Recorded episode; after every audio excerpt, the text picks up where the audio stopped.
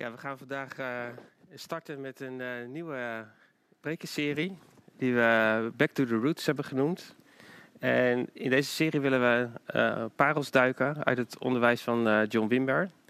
Die heeft veel gesproken op conferenties over de hele wereld heen in, de jaren 70 en 80 en, en 90. Um, en daar heeft hij ook de kerk vernieuwd. En sommige dingen die hij gezaaid heeft, die zijn misschien wel nooit helemaal geland aan deze kant uh, van de oceaan. Of misschien niet helemaal uh, tot wasdom gekomen in de, de, Hollandse klei, zal ik maar zeggen. Um, op onze SharePoint-omgeving hebben we uh, al het onderwijs van Wimber digitaal beschikbaar gesteld. Lucas heeft een, een, prachtige collectie samengesteld van ja, echt waardevol uh, onderwijs. Dus uh, ik zou zeggen, zet Netflix een keer uit en uh, luister naar goed onderwijs. Lucas, super, dankjewel voor uh, al het werk wat je daarin gestoken hebt. Top. Maar laat ik ook duidelijk zijn, hè? we zijn niet op zoek naar een, digitale bedevaart van John Wimber. En het is ook geen religieuze nostalgie. Um, maar ik denk dat het echt belangrijk is dat we um, wat Gods geest uh, al eerder in onze beweging gesproken heeft en eigenlijk aan ons gegeven heeft als erfenis, dat we dat echt uh, tot ons nemen en uh, daarvan leren, dat het ons mag veranderen. En dat de, de kracht die, ehm, die er was, dat we daar ook in leren staan. Dus vandaag starten we met ehm, spiritual warfare. Dat is het eerste thema wat ik wil op, oppakken Waar John Wimber ook uh, ja, echt hele conferenties over gegeven heeft. Dus ik uh, heb een aantal dingen eruit gehaald, want het is uh, best wel veel wat hij daarover gezegd heeft. En wat John Wimber op een hele diepe en intuïtieve manier begreep, was dat de komst van Jezus naar deze aarde de meest cruciale gebeurtenis was in het hele universum door alle tijden heen. En dat de hele Bijbel dus ook in dat teken gezien moet worden. Alles wijst naar de persoon van Jezus Christus. Het Oude Testament ziet uit naar de komst van de Messias. En in, het Nieuwe Testament um, zien we dat de Messias komt. En, en nou, met Pasen en Goede Vrijdag hebben we natuurlijk ook opnieuw bij stilgestaan. Het lijden en sterven van Jezus. En daarna kijken we terug. En mogen we uitpakken wat daar is gebeurd. Um, wat het betekent voor ons leven. We mogen dat integreren. We mogen daar van, uh, um, ja, onze identiteit op bouwen. Wat ook in de aanbidding terugkwam. En we mogen dat uitdelen aan de wereld. Maar goed, dus als de komst van Jezus, zijn leven, zijn sterven, zijn dood, zijn koningschap aan de rechterhand van de Vader, als dat de cruciale dingen zijn, dan moet de hele Bijbel dus begrepen worden in termen van Gods koninkrijk, dat binnenbreekt in onze wereld.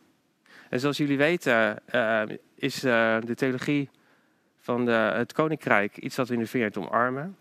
En we zien dat dan ook als het alles overkoepelende thema van de Bijbel. En ik hoop dat ik dan niets nieuws vertel. Gods koninkrijk breekt door in deze wereld. Maar de, deze wereld wordt geregeerd door een heel ander koninkrijk. En Gods koninkrijk en dat van Satan zijn in oorlog. En dat botst voortdurend. En de strijd die speelt zich af in het denken van de mens. Er woedt een geestelijke oorlog. Nou, zoals ik al aangaf, John Wimmer heeft uitvoerig gesproken over het thema. En ehm, nou ja, ik heb uh, vanuit een bepaalde lezing, uh, wil ik een stukje eigenlijk, heb ik vertaald, wil ik even voorlezen, want dat trof mij heel erg. Zoals, van, zoals veel van de beloften uit Gods woord worden niet gerealiseerd door de kerk, omdat de kerk daar zelf een blokkade voor vormt. We kunnen niet aan de ene kant zeggen dat God Heer is in ons leven. En aan de andere kant een leven leven dat laat zien dat Hij dat niet is. En dan toch verwachten dat Gods beloften uitwerking hebben in ons leven. Het resultaat is een kerk die niet is wat ze zou moeten zijn. Als we de oorlog met de vijand willen winnen, dan kan dat alleen door een overwinnend christelijk leven. We moeten echt van God houden, vol zijn van zijn geest, onberispelijk voor mensen, rechtvaardig in al onze houding en handelen. Mensen die God vertegenwoordigen als priester. Aldus John Wimmer. Nou, dat is best een, uh, een stevig statement, vind je niet? En misschien is het ook wel goed om daar met elkaar eens over na te denken van hé, hey, um, hoeveel zijn we daar van afgeweken? Toen, John Wimber die gaf dat toen al aan over de kerk. Maar hoe, hoe zit dat nu in onze tijd? En hoeveel kracht zouden we als kerk terug kunnen winnen um, als we meer aandacht zouden besteden aan een levensstijl die gehoorzaam is aan Gods woord? Dit is een radicale oproep misschien. Een oproep om terug te keren naar de wortels. Back to the roots. Terug naar de wortels van waar het werkelijk om gaat. Terug naar de eerste liefde. Jezus volgen in gehoorzaamheid. Maak wat God tegen je zegt tot je absolute prio 1 in je leven. En reken af met de dingen die de Bijbel zonde noemt. In doen of in nalaten. Zou er een verband kunnen zijn tussen de geestelijke kracht die we als kerk uh, mogen uitoefenen en de mate waarin we in staat zijn om zelf een overwinnend leven te leiden? Hoe willen we mensen tot Jezus leiden en hen vragen om van allerlei dingen afstand te doen en zich aan Hem te onderwerpen als we zelf op een bepaalde manier hoofdslachtig daarin zijn?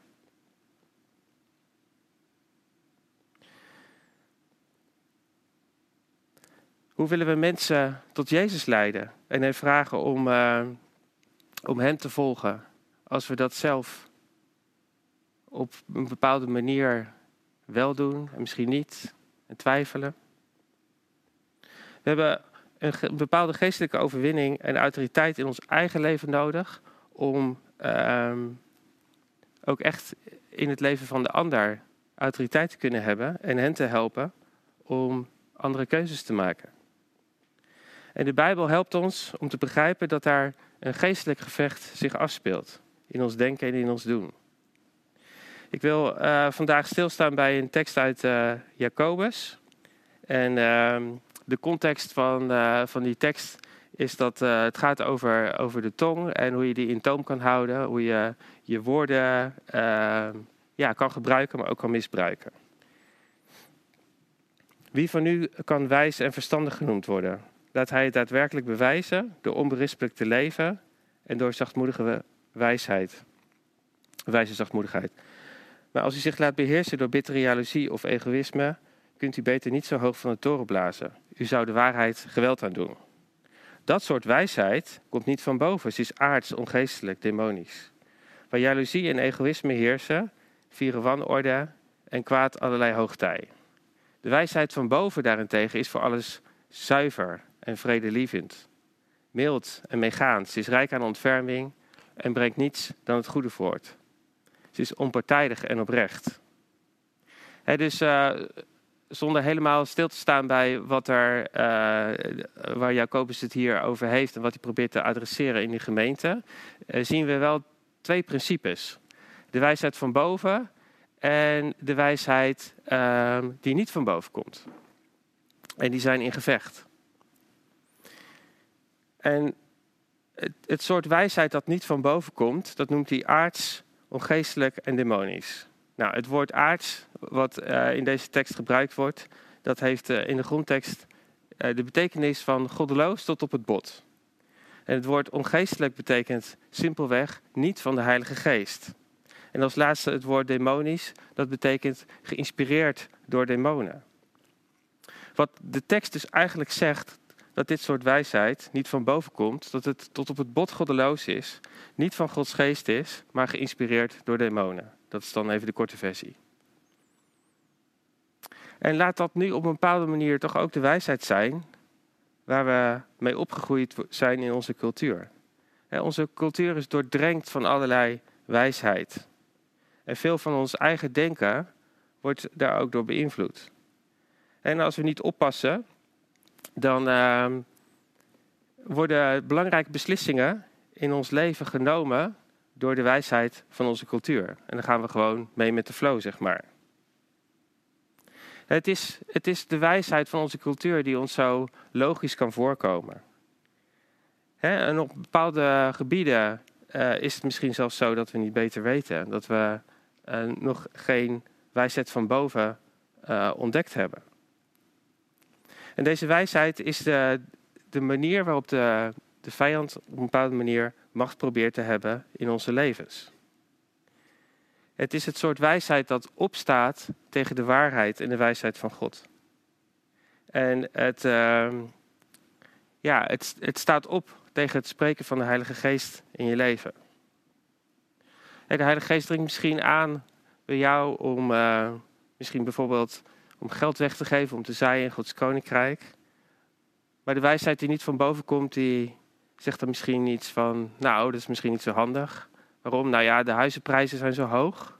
En uh, als ik het nu weggeef, dan kom ik er nooit meer tussen. Ik uh, verdien je nu niet genoeg, maar als ik een goede baan heb, dan, dan komt dat wel. Of de Heilige Geest dringt misschien bij je aan om iets te delen of voor iemand te bidden. Maar de wijsheid die niet van boven komt, die zegt dan, nou, dat is niet zo handig. Zet jezelf niet voor schut, dat is toch een beetje awkward. Zijn dit soort dialogen herkenbaar? En het is best lastig om te begrijpen dat ja, als we deze tekst eh, uit Jacobus goed begrijpen, dat we dan op een bepaalde manier terecht zijn gekomen in een demonische dialoog. Een dialoog met de overheden en de machten van deze wereld. Die onze cultuur geprogrammeerd hebben en die um, ja, ook het denken waar we zelf mee opgegroeid zijn op een bepaalde manier doordrenkt hebben. En deze wereldse wijsheid is op een bepaalde manier ook de kerk binnengedrongen. En het is belangrijk dat we daarmee leren afrekenen. Het is tijd om onze knieën te buigen en terug te keren naar de wortels. Back to the roots. En waar denk je dat bijvoorbeeld de afkalving en de, van de autoriteit van Gods woord vandaan komt? Wie is de inspirator achter de gedachte dat de Bijbel niet meer betrouwbaar is? Dat het een boek zou zijn van oude culturen en niet meer van deze tijd? Hoe kan iets wat duizenden keren overgeschreven is, nou betrouwbaar zijn? Heb je die wel eens langs horen komen op, de, op je werk, tijdens de lunch bijvoorbeeld?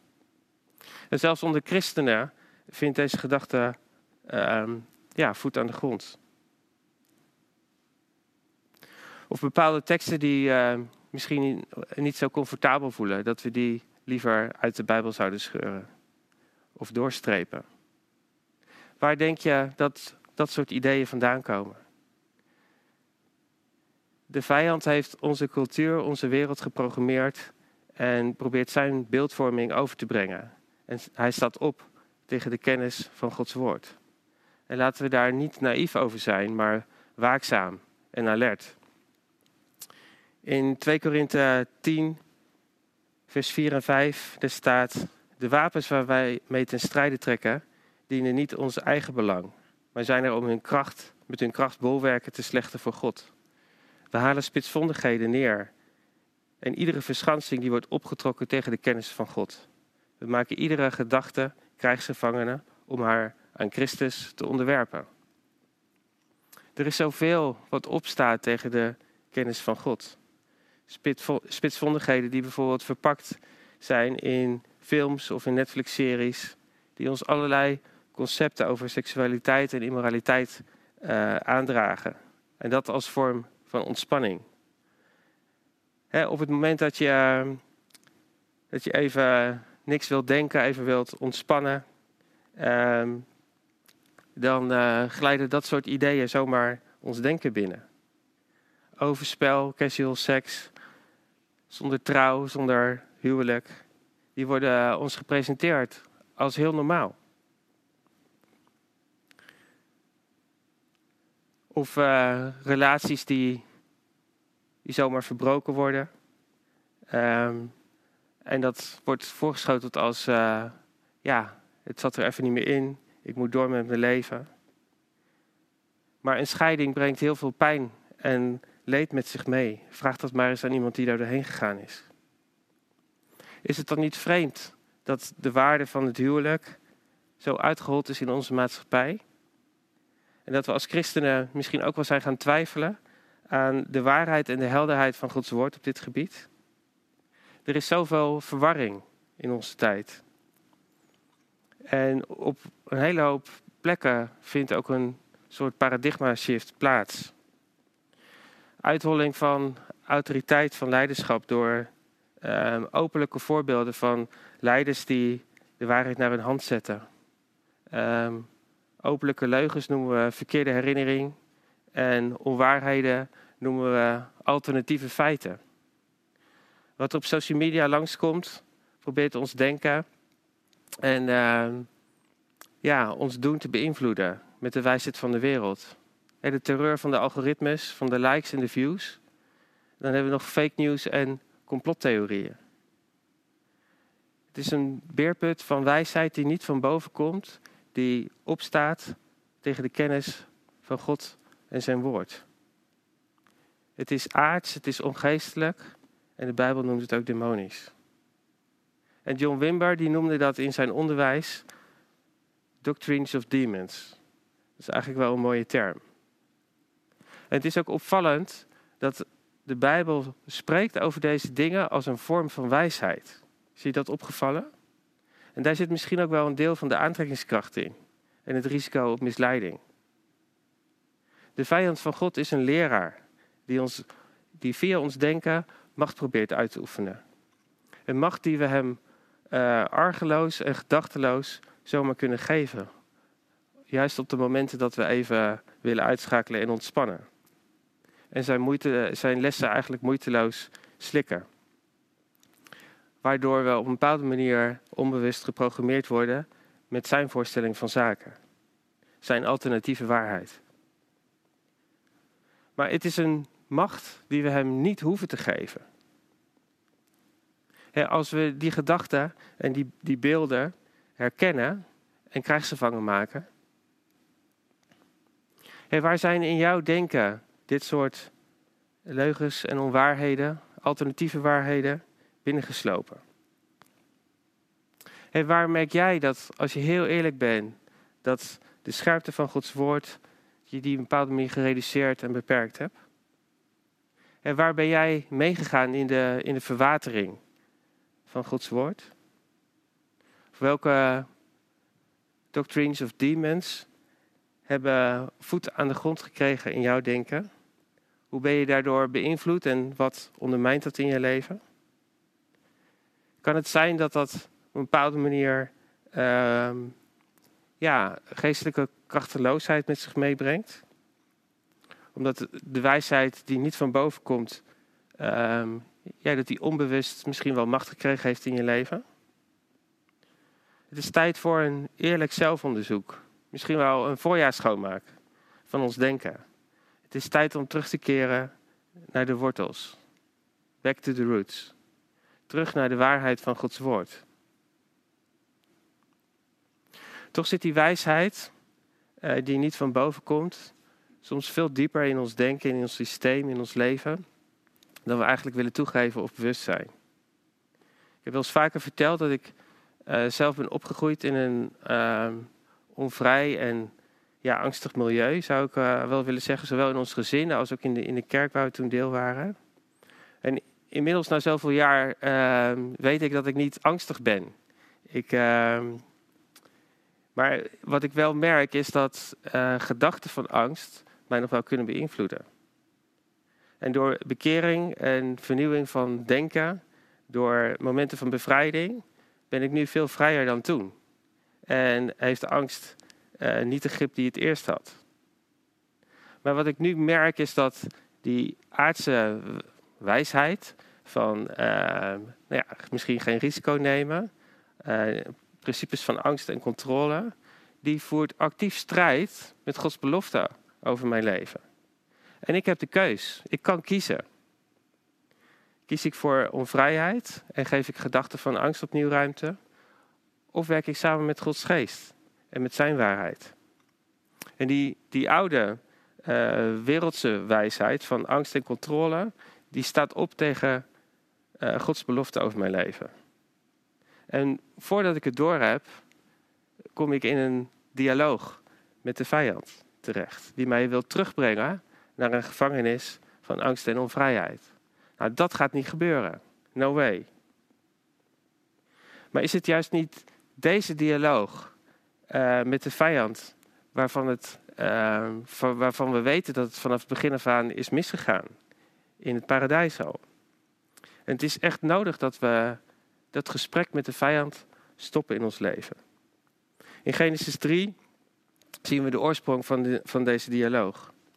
Is het waar wat God gezegd heeft? Dat jullie van geen enkele boom uh, in de tuin mogen eten? Is het waar wat God gezegd heeft? Dat is de basis van de strategie. Het zaaien van twijfel is de opening voor de alternatieve waarheid in jouw leven. Is het waar dat God gezegd heeft dat je geen vals getuigenis moet geven? Ja, maar ik zie het nu toch even anders. Anders kom ik in de problemen. Ik moet ook uh, om mijn reputatie denken. Dit komt me nu even handiger uit. Is het waar dat God gezegd heeft um, dat je niet iets van de ander moet begeren? De vrouw, het land, de spullen, het geld van de ander? Ja, maar u heeft de vrouw ook zo mooi gemaakt. Helemaal op internet. Is het waar dat God heeft gezegd: zoek eerst het koninkrijk en alles zal je gegeven worden? Ja, maar in deze fase van mijn leven moet ik toch wel eerst aan mijn carrière denken. Eigenlijk heb ik gewoon geen tijd. Ja, dat is het. Is het waar dat God gezegd heeft? Denk aan de armen, de wezen en de weduwe en doe hen recht. Ja, maar dit komt me nu niet zo goed uit. Is het waar dat God heeft gezegd, print de woorden van de wet in je geheugen, bij dag en bij nacht? Ja, maar als ik de Bijbel lees, dan word ik zo slaperig en kan ik mijn aandacht er niet bij houden. Is het wel van deze tijd? Zijn, zijn dit soort dialogen herkenbaar in jouw leven? En ik geef deze voorbeelden niet om iemand van jullie ook te beschuldigen, in tegendeel. Want vaak denken we dat we het zelf zijn. Maar zou het ook zo kunnen zijn dat je zo'n gedachte aangereikt krijgt van buiten? Zou het kunnen zijn dat het wijsheid is die niet van boven komt? Ja, zelfs dat het aards is, ongeestelijk. Zou het ook demonisch kunnen zijn? En pas als we toegeven aan de alternatieve waarheid die ons wordt aangereikt, uh, krijgt de duisternis macht in ons leven. En tot die tijd hebben we nog een wereld te winnen. Maar vaak denken we dat we al verloren hebben, omdat dat soort gedachten in ons opkomen. Is dat herkenbaar voor jou? En toch is het een dialoog die we kunnen stoppen. We, moeten zien te, uh, te zorgen dat we die dialoog stoppen. En stop deze dialoog voordat het ons, ons lichaam, ons voelen, onze emoties, uh, dat die meegezogen worden in de energie die verleiding soms kan hebben. En we moeten stoppen met het flirten met die gedachten. En maken dat we wegkomen en daar radicaal in leren worden. in, onze uh, evangelisch-charismatische bubbel hebben we misschien de afgelopen jaren wel iets te veel nadruk gelegd op Gods liefde en zijn genade. En te weinig aandacht besteed aan alle disciplines die nodig zijn voor een overwinnend christelijk leven. Leven we niet te veel in de waan dat uh, Gods bescherming uh, ons altijd behoedt voor verleiding. Maar als we de Bijbel goed lezen, dan, uh, dan moeten we echt terugkomen op deze gedachten. En ons denken in lijn brengen met Gods woord. 1 Petrus 3, vers 5. Uh, hoofdstuk 5, vers 8. Er staat: Wees waakzaam, wees op uw hoede. Want de vijand, de duivel, zwerft rond als een brullende leeuw op zoek naar een prooi. Efeze 6, vers 12. Onze strijd is niet gericht tegen mensen, maar tegen de hemelse vorsten, de heersers en de machthebbers van de duisternis. Tegen de kwade geesten in de hemelsferen. Jacobus 4, vers 7. Onderwerp u dus aan God en verzet u tegen de duivel, dan zal die van u wegvluchten. En het is belangrijk om te beseffen dat al deze teksten geschreven zijn aan gelovigen. De Bijbel waarschuwt ons dus. De Bijbel waarschuwt ons als christenen.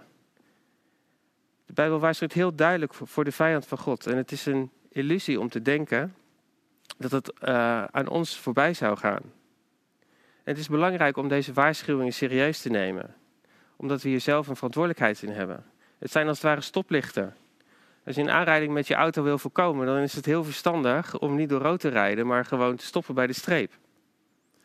En we kunnen misschien wel uh, denken dat uh, we beschermd zijn door ons geloof. Maar als we niet gehoorzaam zijn en niet uh, de moeite doen om weerstand te bieden, als we ons niet verzetten, als we niet de dialoog stoppen en de alternatieve waarheid van de vijand afwijzen, als we niet verleiding vermijden, dan worden we heel erg kwetsbaar voor de invloed van de macht van de vijand.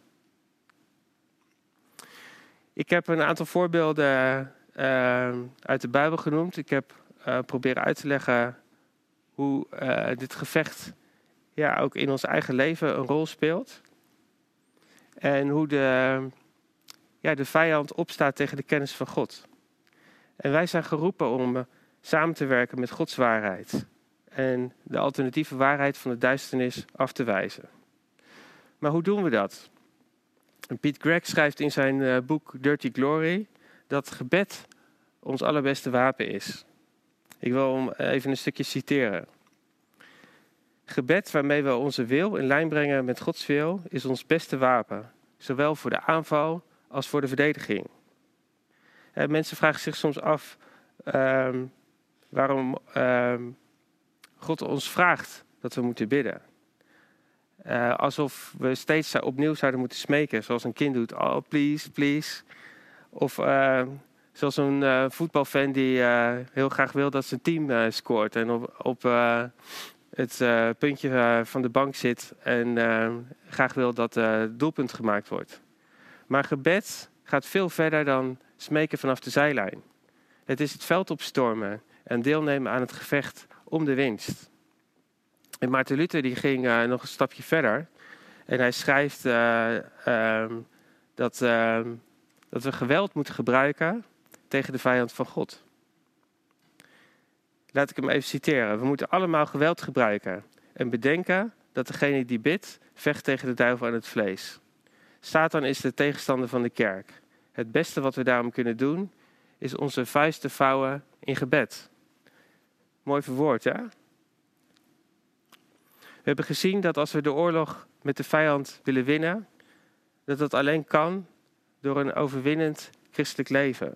Gebed speelt daar een belangrijke rol in. En hoe dat precies voor jou zit, um, hoe dat precies voor jou werkt, dat weet ik niet. Maar ik denk dat dat iets is wat je zelf mag leren ontdekken. En zelf mag leren uh, om daarin te groeien. Dat kunnen we ook samen doen. Met anderen. En de opstandingskracht van Jezus, die staat tot jouw beschikking. De waarheid van Gods woord staat tot jouw beschikking. Maar het begint met opstaan. Het begint met het gevecht aangaan met gevouwen vuisten. Als we dat allemaal doen op onze eigen plek, ehm, in, de, in deze gemeente, in je gezin, op je werk, in je vriendengroep, dan zullen we terrein winnen en zullen we groeien in kracht. En we hebben de Heilige Geest ontvangen, die ons wil helpen en wil leiden in waarheid. Dus wees sterk en moedig en verzet je tegen de duivel en zijn alternatieve waarheid. En de wijsheid die niet van boven komt. Amen. Laten we bidden.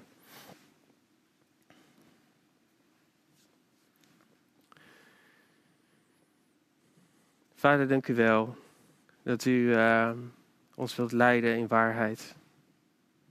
Dank u wel dat u uh, alles gedaan heeft, zodat wij uh, kunnen opstaan en ons verzetten tegen alle alternatieve waarheden die ons worden aangereikt. Heer, ik bid dat u komt met uw wijsheid van boven op dit moment. En Heer, we vragen u vergeving waar we persoonlijk, maar ook als kerk, bewust of onbewust terrein aan de vijand hebben weggegeven. Heer, we vragen u vergeving op alle plekken in ons leven waar we ja, gekozen hebben voor alternatieve waarheid. En Heer, uh, vernieuw ons denken met uw waarheid. En Heer, ik bid dat u ons als kerk opnieuw krachtig maakt.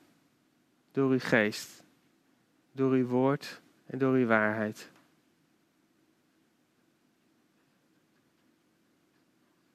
En Heer, ik bid dat u, ehm, dat u onze ogen opent